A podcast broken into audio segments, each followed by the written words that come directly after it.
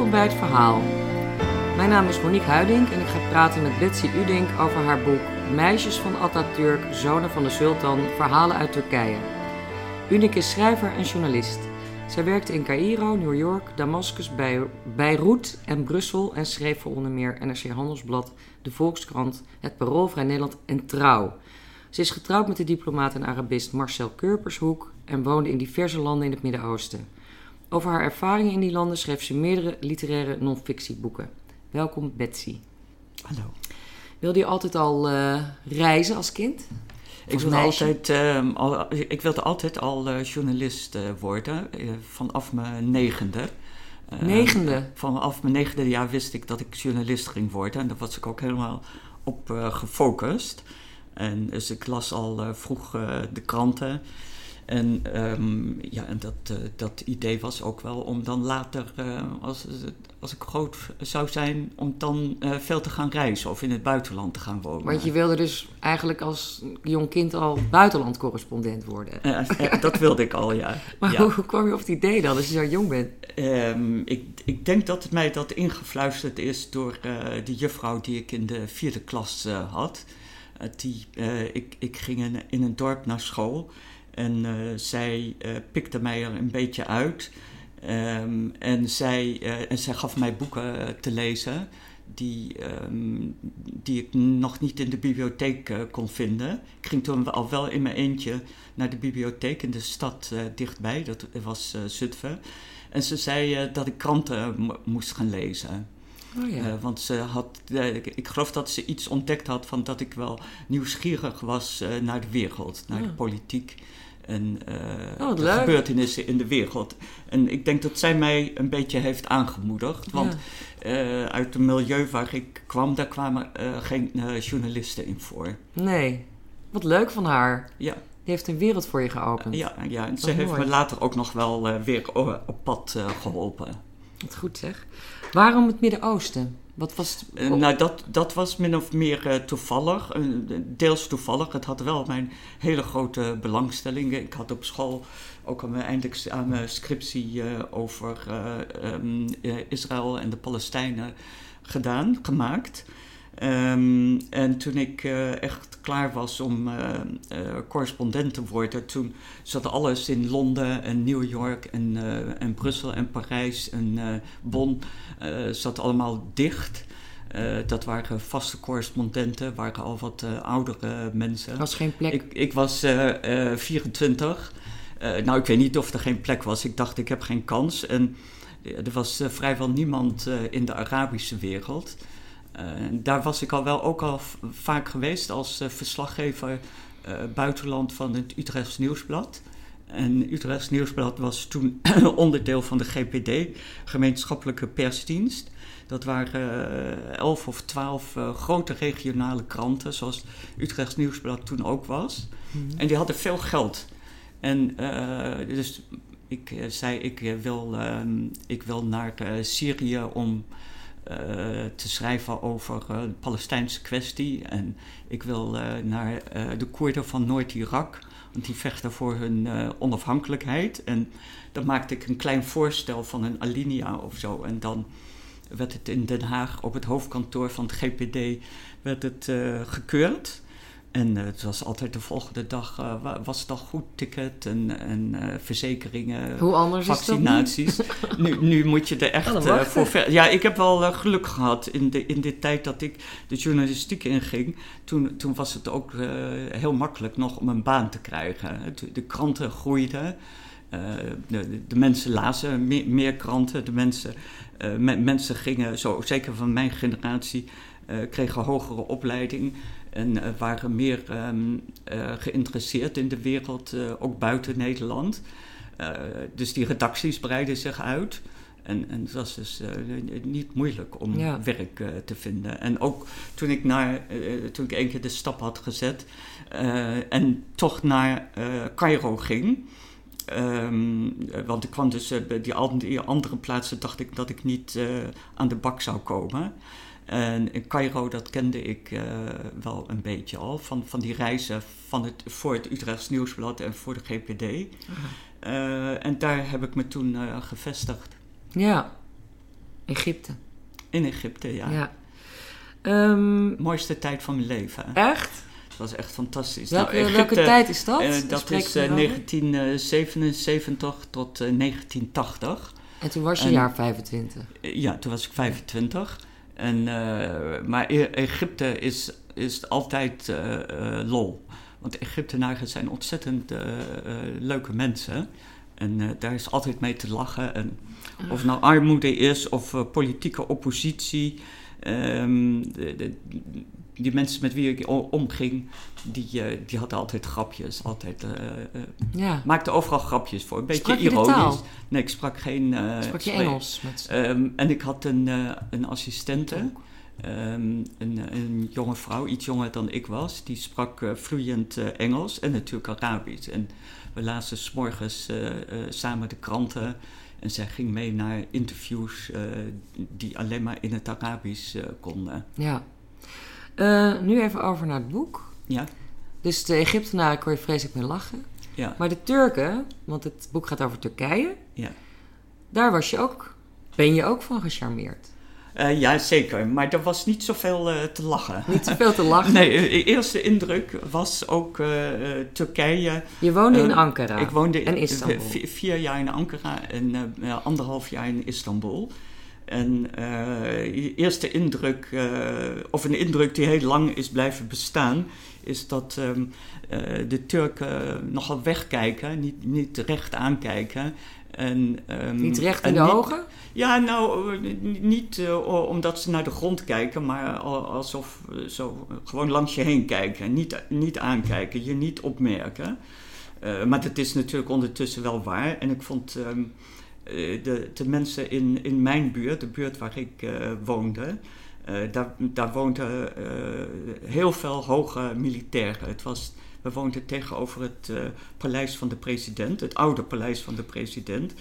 En die ehm, eh, militairen die gingen s'morgens eh, met de bus eh, naar hun werk, naar de ministeries. En ze keken eh, allemaal even zagrijnig, vond ik.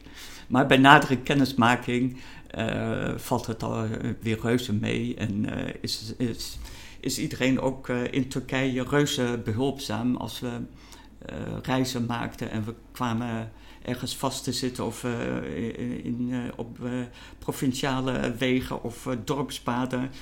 Waar mensen uiterst vriendelijk, eh, kom, ik rijd wel voor, ehm, dan Ja. zal ik je het laten zien. En gastvrij eh, thuis met thee onthalen. En, eh, Ook heel en hoffelijk, lekker. eh, hoffelijk schrijf je en elegant. Dat, dat zeker, Ze ja. gaan drie dat, keer per week naar de kapper. nou, een bepaalde klasse van Ah. de, de seculiere klasse.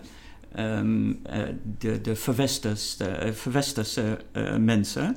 Ja. En die geld hebben. Ja, zeer verzorgd. En, eh, en eh, als je. Er is een keten van eh, prachtige cafés en restaurants. En die heten House Café. En die heb je nou overal in Turkije. Maar is, als je daar een glaasje water krijgt, dan is het gewoon zo'n glas wat je ook bij de HEMA kunt kopen. Maar in dat gewone glaasje water drijft onderin een, een druif. Eh, en aan de rand van het eh, glas eh, zijn schijfjes appel of schijfjes sinaasappel eh, ehm, ehm, eh, erop geplakt of, of erop gezet. En dat, dat is gewoon een glaasje water, maar Ja. dat staat zo, zo prettig, is Ja. dat, zo aangekleed. Met heel veel aandacht en, eh, en zorg. eh, ehm, het is een fantastische inrichting bij, de, bij die housecafés, dus ik, ik kom daar nog altijd eh, heel graag. Ja, ja. Ehm, in het boek beschrijf je de geschiedenis van Turkije eigenlijk aan de hand van de, de leiders, de grote leiders die eh, Tur- de Turken hebben gehad. ja. En je begint eh, logischerwijs, of nou helemaal niet logischerwijs trouwens, maar je begint bij Mustafa eh, Kemal, Ja. beter bekend als Atatürk, of Ja. ook bekend als Atatürk. Ehm, wat was hij voor een, eh, voor een leider? We hebben het dan over begin vorige eeuw. Ja, het, het- ik heb zo'n beetje de laatste honderd jaar eh, behandeld Ja, de van, van Turkije. niet. Dus, na, Na dus van het begin van de Republiek van Turkije in 1923. En eh, eh, Atatürk, die, die kwam naar boven. Ehm, eerst door de, hij was een militair en in de Eerste Wereldoorlog kwam hij naar, naar voren omdat hij had de enige slag gewonnen de enige slag die de Turken hadden gewonnen in de Eerste Wereldoorlog. Uh, dat was de slag van Gallipoli. Dat was een invasie uh, geweest van uh, Franse, en, Franse en Britse troepen. Met de, door, door Churchill um, georganiseerd. En de bedoeling om, om het front in het westen te verlichten. De Duitsers, die de, Duitsers en Turken vochten samen aan één kant. En de Fransen en de Engelsen probeerden op te rukken naar Istanbul. Daar zijn ze niet in geslaagd, want ze zijn van die uh, hoge rotsen van Gallipoli um, zijn ze weg, verslagen. Um, en ze hebben de strijd ook opgegeven na negen maanden. En hij had uh, natuurlijk een groot uh, charisma, um, Atatürk. En hij, hij was de opperbevelhebber? hij was niet, niet, niet de opperbevelhebber, dat is hij pas later geworden. Oh. Na, na, de, uh, na de revolutie, of na de opstand, na de onafhankelijkheidsoorlog.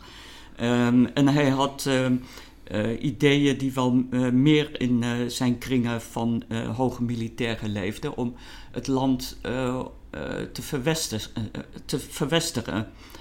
Dus het moest op hetzelfde niveau komen als Europa en moest ook als Europa godsdienst en uh, staat en onderwijs scheiden. Dus niet meer onderwijs op basis van um, de godsdienst. Dus in het geval van Turkije de islam en de, de Koran en de overleveringen van de profeet.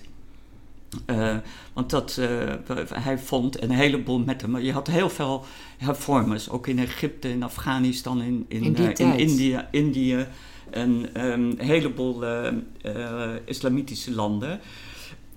hoe, de, en de vraag was altijd: nou, um, hoe komt het dat wij zoveel zwakker zijn dan Europa? Dat komt omdat we vastzitten in die, in die godsdienst. En Um, en Atatürk had heel, heel vooruitstrevende ideeën, ook um, dat um, ook de, de, vrouwen bevrijd moesten worden uit het keurslijf uh, van de godsdienst. Dus sluiers af, haren wapperen in de wind, vrouwen ook naar school. naar school en net zo lang met de jongens. Hij was ook voor gemengd onderwijs, dus niet achterlijk doen ja. van meisjes en jongens gescheiden houden. En um, hij, hij, wilde dat uh, dus, en, uh, en, de industrie uh, kwam, zodat net als Japan, Turkije net als Japan zou kunnen leren van de westerse techniek.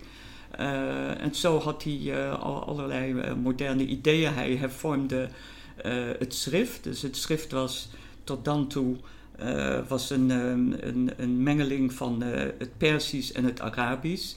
En um, daarin was het vaak moeilijk om de Europese uitvindingen te beschrijven. En hij vond ook als we het Latijnse, want dat wilde hij, het Latijnse alfabet aannemen, um, dan uh, leren we ook makkelijker um, uh, Euro de Europese talen. Dus kunnen we makkelijker in het, in het Duits ja. leren hoe je goede wapens maakt, hoe je de grote kanonnen maakt. En, uh, uh, en in het Engels dat je, en in het Frans uh, de chemische processen beter kunt begrijpen. Ja. Um, hij wordt op een gegeven moment, dat vind ik heel interessant bij al die mannen die hij beschrijft, krijgt hij een soort goddelijke status. Op de een of andere manier wordt hij enorm vereerd. Hoe, waar, waarom gebeurt dat? Uh, ja, je hebt eigenlijk geen periode in, uh, in Turkije uh, dat de leider niet vereerd wordt of niet op een voetstuk wordt gezet of niet met dat gebeurt altijd. bovennatuurlijke krachten ja. um, is bezegeld. Nee, want je, je, ziet het ook bij de mensen die niet uh, uh, de, de leiding in Ankara of Istanbul hebben. Bij Öcalan, die wordt ook, uh, dat is ook een halve god, daar mag je ook niks Dat is de Koerdische... onder de Koerden ja. mag je daar ook niks kwaads over zeggen. Die is ook die, die weet meer dan wij allemaal bij elkaar. Ja. Hoe kan dat? Ja, nou, dat Waarom komt, al, het komt natuurlijk al, eh, eh, zo was het al onder de sultans. Daarom heb ik het ook zonen van de sultan eh, genoemd. Ja. Want eh, ze, ze gedragen zich even autoritair en eh, autocratisch als de sultans deden. En de sultan was toch ook als eh kalif toch eh, eigenlijk de, de mm, vertegenwoordiger van eh, Allah op, op aarde. Ja, Eh, en eh, dus Atatürk. ehm, en en ze, ze regeerde, en je ziet het nou ook weer met Erdogan, dat Ja. heb ik ook eh, beschreven in het boek. Ehm, die eh, trekt alle macht naar zich toe. Oppositie eh, is, eh, eh, wo- wordt even geprobeerd, maar dan blijkt toch dat die oppositie te onafhankelijk gaat eh, worden, of naar hun zin dan. Ehm, en eh, dus dat moet allemaal weer onder één partij eh, gebracht worden en onder één leider. Dat schrijft... is een, een, een, een kant, maar de andere kant is ook dat eh, het is een patriarchale samenleving. Hè? De vader of de grootvader, de oudste man in, in de familie, heeft het voor het zeggen en daar luister je naar. O- ook al is, de- Ben je het niet eens? is het seculier en zo. Nee, je, je schikt je ernaar, want het is toch. Eh, ehm, eh, en, in het patriarchaal systeem gaat het om het belang van eh, de clan, de groep, de, de partij, de ideologie. En, ni- en niet om, zoals, in Nederland en, en in veel delen van, van het Westen, van mijn, mijn eigen belang is het individuele belang is het aller, eh, staat voorop, niet het groepsbelang. Ja, en dat is daar andersom. Ja. Maar je schrijft op een gegeven moment ook... Turken zijn gewend te doen wat ze verteld wordt. Dat is al vanaf de tijd eh, van de sultans dus. Dat is vanaf de tijd van de eh, sultans. en, het systeem, en het systeem, het onderwijs, is nog steeds is, is nog eh, heel autoritair.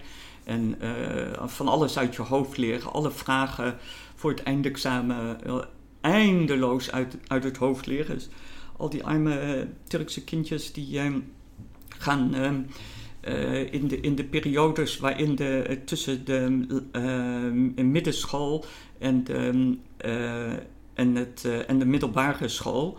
ehm, dus ehm, het voortgezet onderwijs, dus de middenschool, voortgezet onderwijs, voortgezet onderwijs, universiteit, gaan ze naar allerlei huiswerkcursussen. Dus dan zitten ze urenlang, ook in het weekend, Te eh, blokken. de vragen van de voor, voorgaande jaren uit, uit het hoofd te leren. Eh, de antwoorden Ja. leert ze dan uit het hoofd. En, nou, en dan maar hopen dat er ook weer zo'n vraag op het examen komt.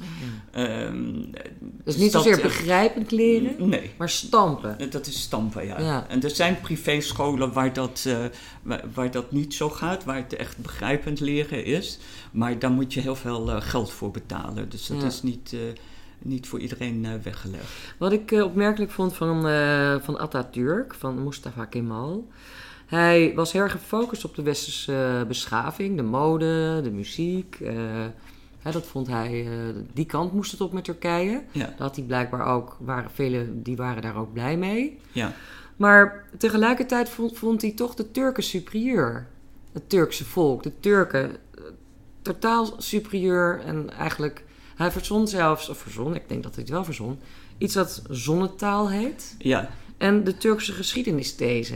ja, De, uit de zonnetaal bleek dat Turks de basis is van alle talen, van Ja. de hele wereld, Ja. van alle talen ter wereld. En de Turkse geschiedenisthese, daarin wordt gezegd, Turken horen tot het blanke ras en zijn zelfs de knapste blanken. ja, ja, da- dat was dan knap van uiterlijk. Ja, nou, dat is ook wel zo. Het zijn allemaal he- hele knappe, eh, mooie, eh, mooie mensen. Ja. Ehm, behalve wanneer het eh, leven Maar eh, dat je niet dan- zo eh, gunstig voor hun is geweest. Maar nee, natuurlijk, eh, de, de Duitsers vonden zichzelf ook eh, superieur. En de Fransen vonden zich eh, superieur. Eh, Nederland eh, vond zichzelf ook eh, heel lang eh, superieur. Zeker ten opzichte van eh, onze koloniën. Dus Ja. wij waren beter en wij konden ons ook meten aan de Fransen en, en de, de Duitsers. Ehm, Daar is niks het is, het is niet, het is niet eh, dat je ehm, dat als je wilt leren van een andere beschaving, dat je je eigen identiteit dan uh, maar te grabbel moet gooien. Maar nou ja, dat is dus later zijn um, uh, Turkse taalthese uh, en geschiedenisthese, dat is dan wel weer helemaal ondergesneeuwd. Maar ik was nu net in Turkije vorige week en daar ben ik naar uh, de oudste, uh, tempel, uh, oudste tempel ter wereld geweest. Die, die, wordt opgegraven, is niet zo ver van de Syrische grens, bij de stad Sanliurfa.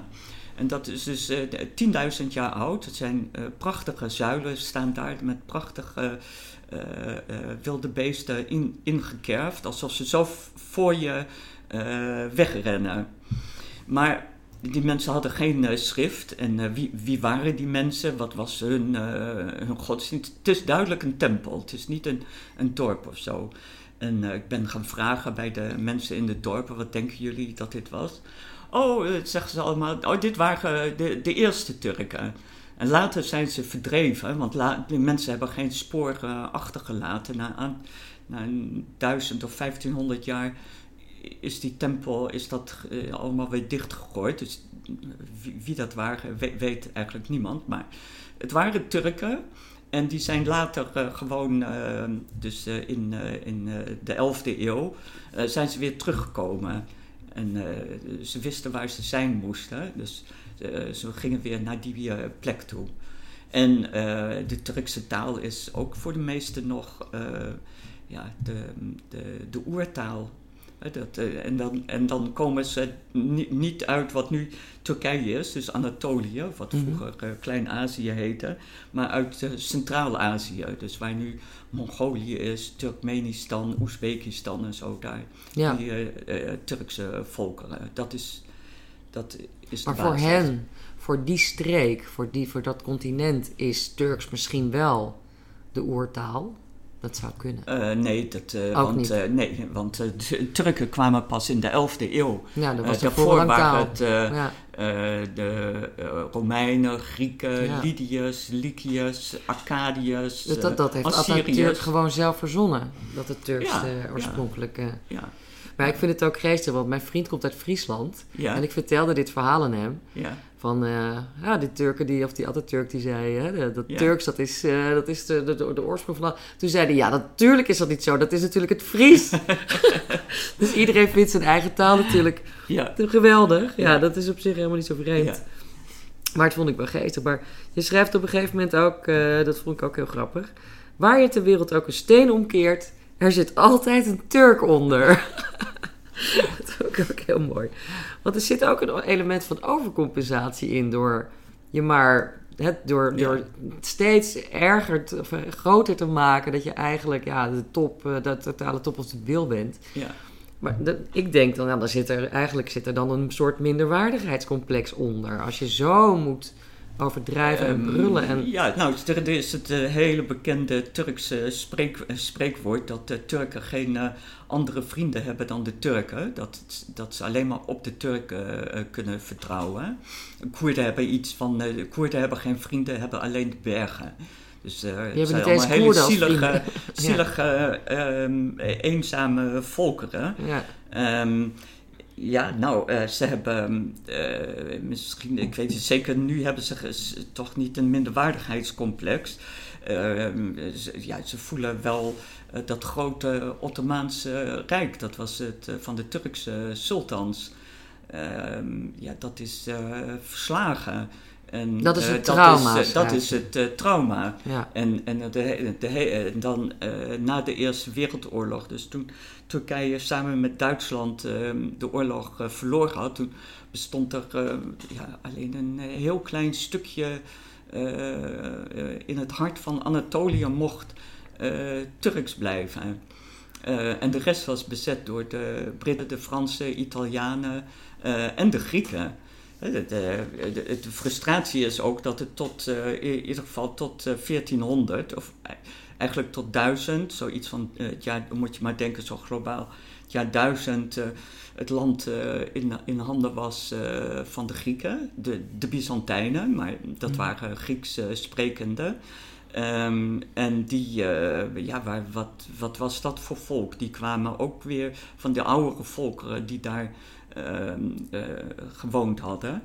Eh, toen kwamen de Seljuken, dat wa waren ook Turken van het Turkse ras. En, en daaruit vocht de, de, de clan van Osmaan, dus Ottoman zich naar boven. En die, die werden de sterke, de heersers van de nieuwe staat. En die breidden zich geweldig uit. Het, over drie continenten.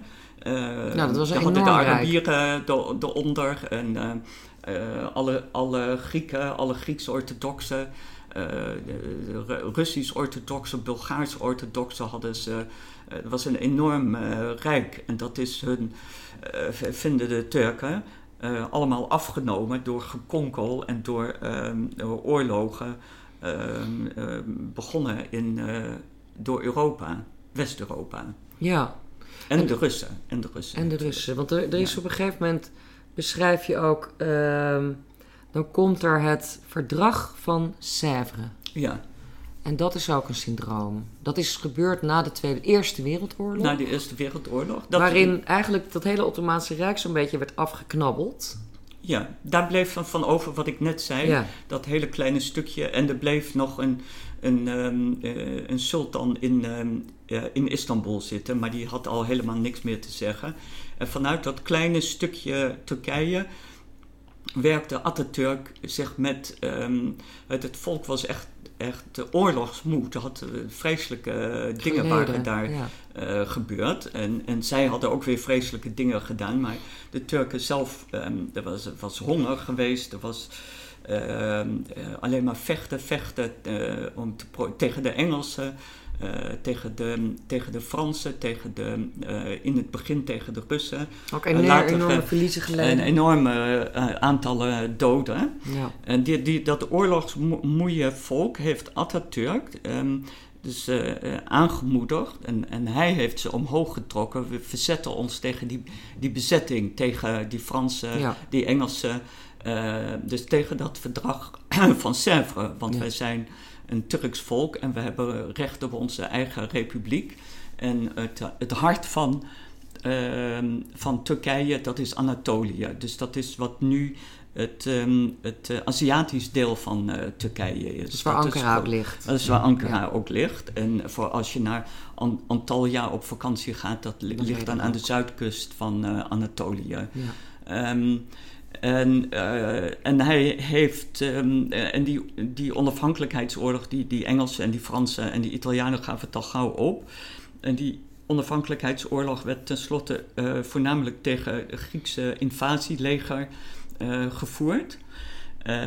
en ehm, daar kwamen tenslotte nieuwe onderhandelingen uit. De, de, Grieken waren wel duidelijk verslagen en uh, teruggedrongen, maar niet helemaal weggestuurd. En daar kwam um, het verdrag van Lausanne uit. Maar dat verdrag van Lausanne is nu deze week uh, weer een. Um, uh, heeft Erdogan, de huidige president, heeft daar weer een kwestie van gemaakt. Want in het verdrag van Lausanne Um, als je de kaart van Turkije ziet, dan zie je al die grote eilanden voor de kust van Turkije, zowel in de Egeïsche Zee als uh, daaronder de Middellandse Zee. Zie je al die grote eilanden, mm. um, Cyprus, Rodos, uh, Lesbos en zo, vlak voor de kust uh, van Turkije. Als in Turkije zeggen je hoeft alleen maar heel hard te schreeuwen, dan kunnen ze je, je op Lesbos horen. horen. Ja. En um, dus dat ja, natuurlijk. Hij vindt, na, na, uh, ja, maar, maar um, volgens de geografie zou je ook zeggen, dat is logischer, dat die eilanden bij Turkije uh, horen. Want die liggen toch weer veel verder van Griekenland af. Ja, en, um, het vasteland. En, en uh, zo zitten die twee landen, hebben voortdurend, liggen met elkaar in de clinch. En um, Erdogan heeft gezegd dat dat, hij, dat hij kritiek heeft op uh, Lausanne. Dat is iets uh, spectaculairs. Dat is, dat is in, uit 1923 of zo? 1923, dat, dat hij, um, want hij vindt dat die eilanden eigenlijk bij Turkije ah, horen. Ja, ja. En hij heeft een ander nieuw nieuw oud punt eigenlijk. Een oud punt, ander oud punt is Mosul. er wordt nu, er staan 63 landen klaar, een coalitie om Mosul te bevrijden. In, in Irak is dat, oliestad in Irak. Om te bevrijden uit handen van de ISIS. En Turkije heeft al heel lang een kleine basis daar in Irak, bij Mosul. Want ze willen, ze willen eigenlijk. Dat Mosul, dat um, hebben zij nooit opgegeven. Dat hoorde bij het uh, Ottomaanse Rijk. Ze hebben nooit uh, hun uh, claim op Mosul dus dat willen ze ook. Ja.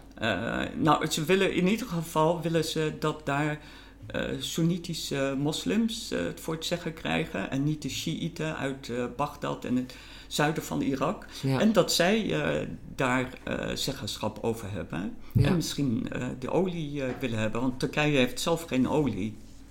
Dat is interessant natuurlijk. Dat is wel een interessante ontwikkeling. Ja. Maar er zit dus een hele interessante. Want ik bedoel, het staat veel te veel in het boek. Om, dat redden we nooit om het allemaal in dit interview te behandelen. Ook al is het best een lang interview. Maar er is, dat beschrijf je mooi, eigenlijk ook een lijn van uh, Atatürk naar, Turk naar Erdogan en daar zit ook dan nog de, de Koerden tussen. Je beschrijft ook heel uitgebreid over de Armeense genocide. Uh, werkelijk uh, huiveringwekkende verhalen van een wreedheid en een verschrikkingen. Nou, ik kreeg de harenrezen met de bergen. Maar dat kunnen we nu niet meer in de, dit korte tijdsbestek behandelen. Maar wat interessant is natuurlijk, hoe gaat het nu? Uh, Atatürk is seculier. Uh, de Kemalisten, dat waren voor een groot deel mensen in het leger zaten. Die zijn allemaal inmiddels al afgevoerd. Ik dacht in eerste instantie bij die koep. Oh, dat zijn natuurlijk die Atatürk-aanhangers die dat hebben gedaan. Maar dat is niet zo, hè?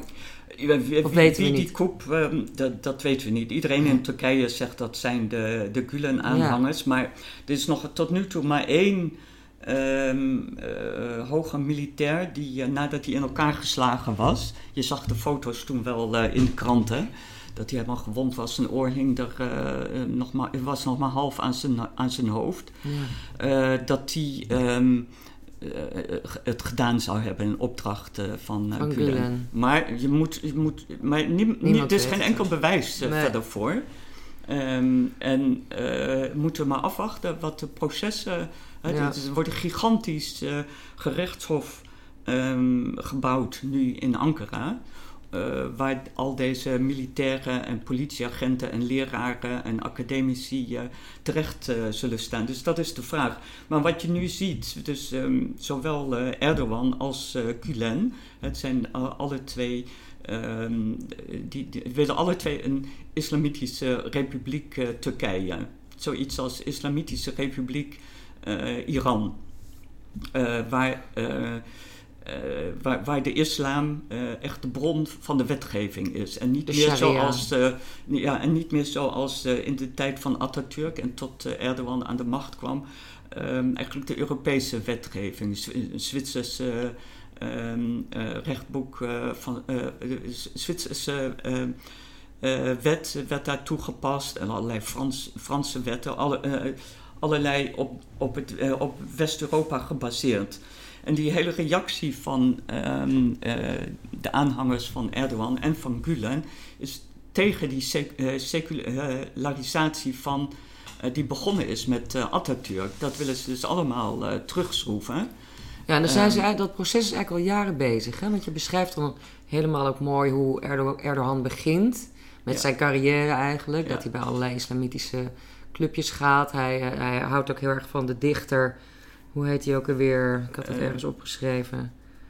Nessip Vazil? Uh, Necip Fadel. Ah, ik, Fazil, ja. ik spreek het uiteraard verkeerd uit. Ja. Waarvan jij zegt dat is een is islamitische fascist, die, ja. die dichter. Ja. Dat is een inspirator van Erdogan. Ja. En, maar ook Gulen op zijn eigen manier uh, wil eigenlijk die hele Turkse uh, samenleving langzaam, stil, rustig, via scholing nou, dat, ze de dat islam wilde, erin. Gulen, hè, die uh, heeft, altijd geweigerd, uh, heeft altijd geweigerd om uh, politieke, een politieke partij oh, ja. op te richten. En die heeft alles in het geheim gedaan. Dus ja. ja, kinderen eruit gepikt die goed, goed kunnen leren. Het is wel een beetje elitebeweging, want het gaat wel. de, de, de, mm, het, is, het, begint met kinderen die goed kunnen leren en die worden gestimuleerd verder te gaan en om bepaalde beroepen te kiezen, leraar te worden of, of bij de politie te gaan, anderen bij, bij het leger, anderen bij, de, bij justitie. Maar altijd gezegd, um, zeg niet dat je een islamist bent. Gewoon doe, als het nodig is, dan drink je ook gewoon een glas raki mee en, en, een glas bier mee. hoofddoeken is niet nodig, dat komt later wel, als wij aan de macht zijn. Als we alle, op, op alle belangrijke posten onze, mensen, hebben. Ja. Want het dat doel is, dus op een hele stieke manier uh, ja, gegaan. Van binnenuit. Je beschrijft het als een sluipwesp. van uh, Erdogan kan je een beetje, een beetje vergelijken met moslimbroeders. Dus die, um, die, die, vanuit de politiek veroveren. Maar ook geduldig. Via, wel via democratische wegen. We laten niet, niet via een koep aan de macht komen.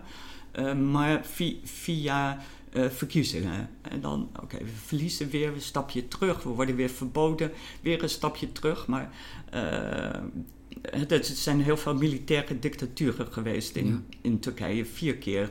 Maar toch altijd na een paar jaar hebben ze weer uh, politieke partijen toegestaan, vrije verkiezingen.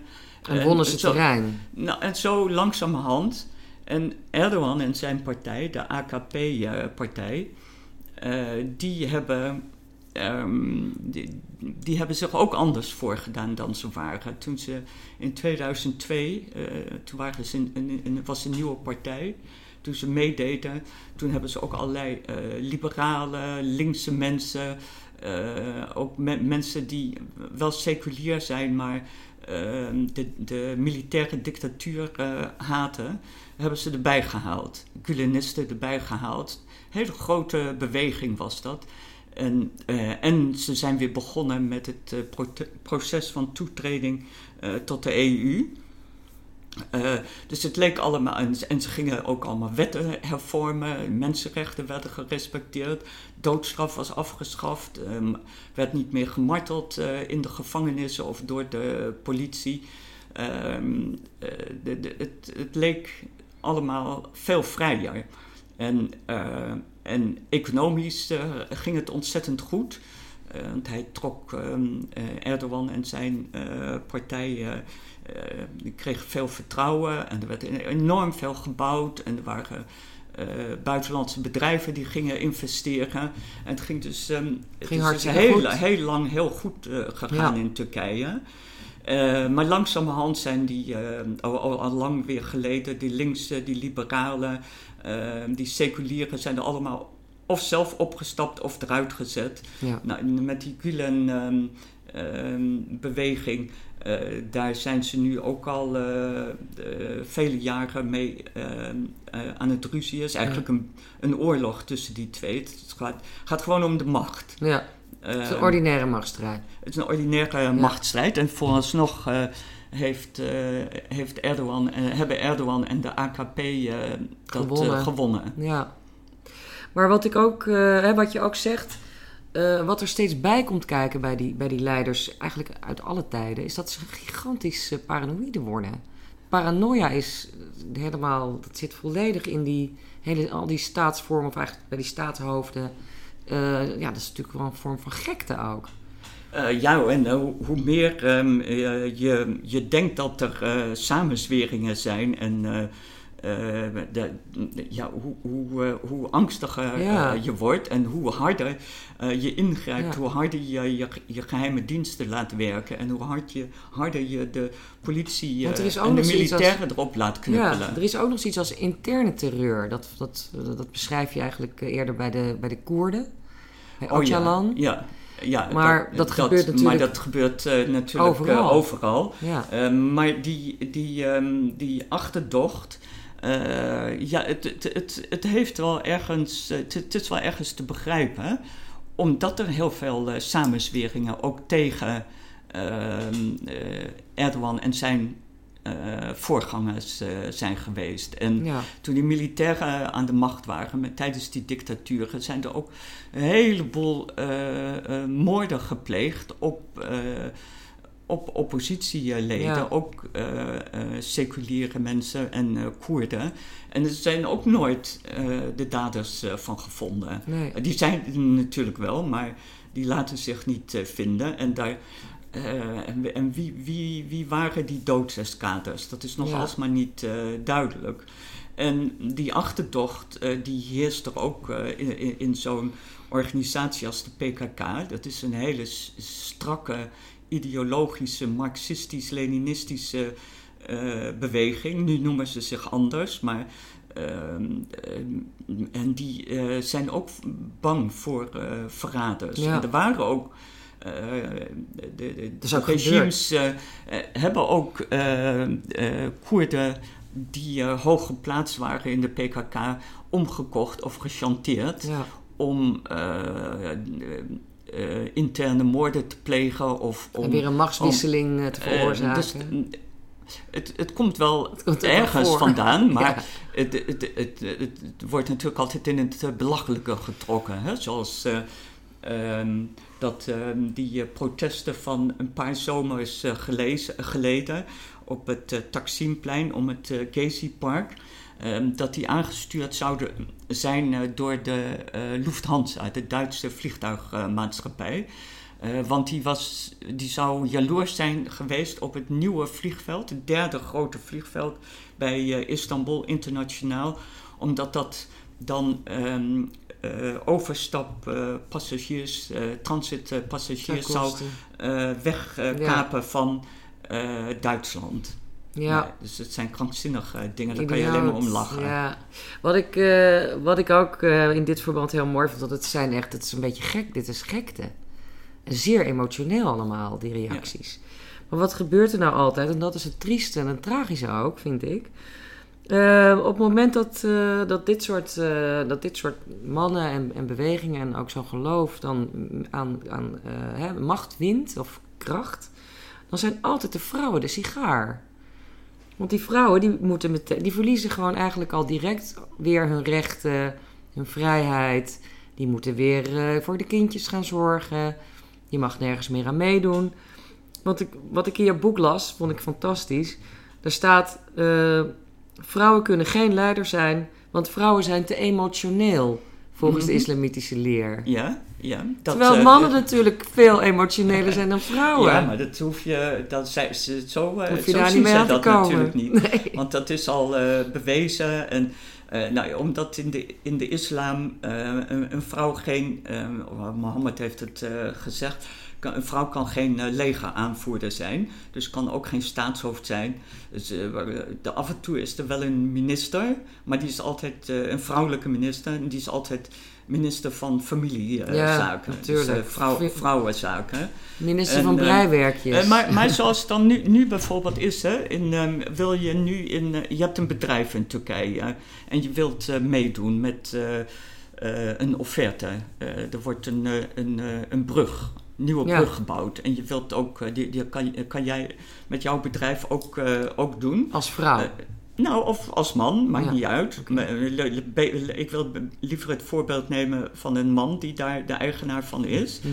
dan eh, nou is het, eh, de, de zaak zo corrupt en zo in handen van de AKP dat ehm, de, eh, je, krijgt, je krijgt het echt alleen maar als jij je vrouw ook en je dochters en, en je nichtjes en zo